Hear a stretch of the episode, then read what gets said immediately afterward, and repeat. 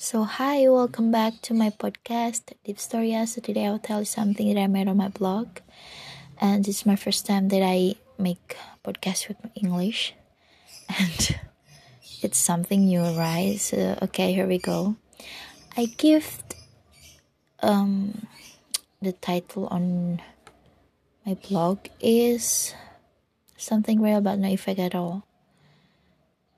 I would say like a soul being haunted by something that isn't always real.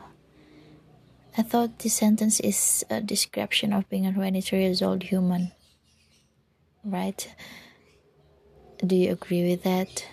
I think so, but we never know. So, okay, let me explain. Million and even billion of people in this world who may have been trapped in the labyrinth of life, from which we don't know the way of out we are only being chased by something that's actually just our own shadow.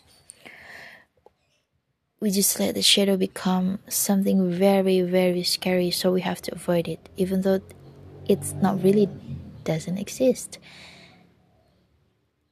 You know, we don't have to be afraid of our own shadow. We just need to be aware that shadow are just shadow.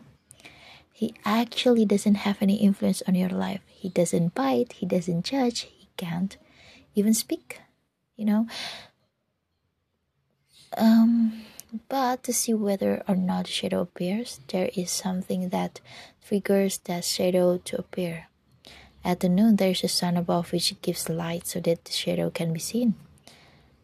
And if we are in the labyrinth when it's dark, our shadow may not exist and cannot be seen. So, what should we do? Okay, so if you still think that shadow really appears and influences your life, you can try walking in the labyrinth when it's dark.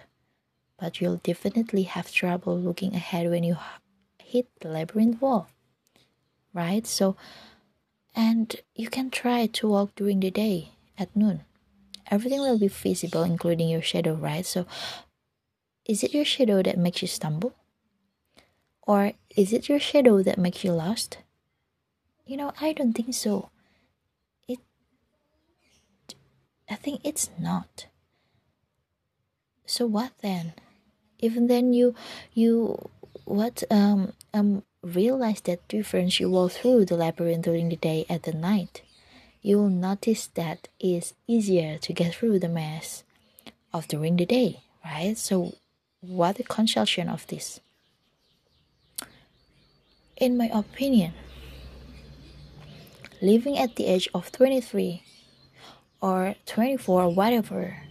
There are lots of things that i think are scary that are actually not always real. You just need to be aware of something that actually doesn't have an effect on um, on your life journey. So you just need to change your mind on those things because the most influential impact on your life journey is is you know starting from your own mind Yep.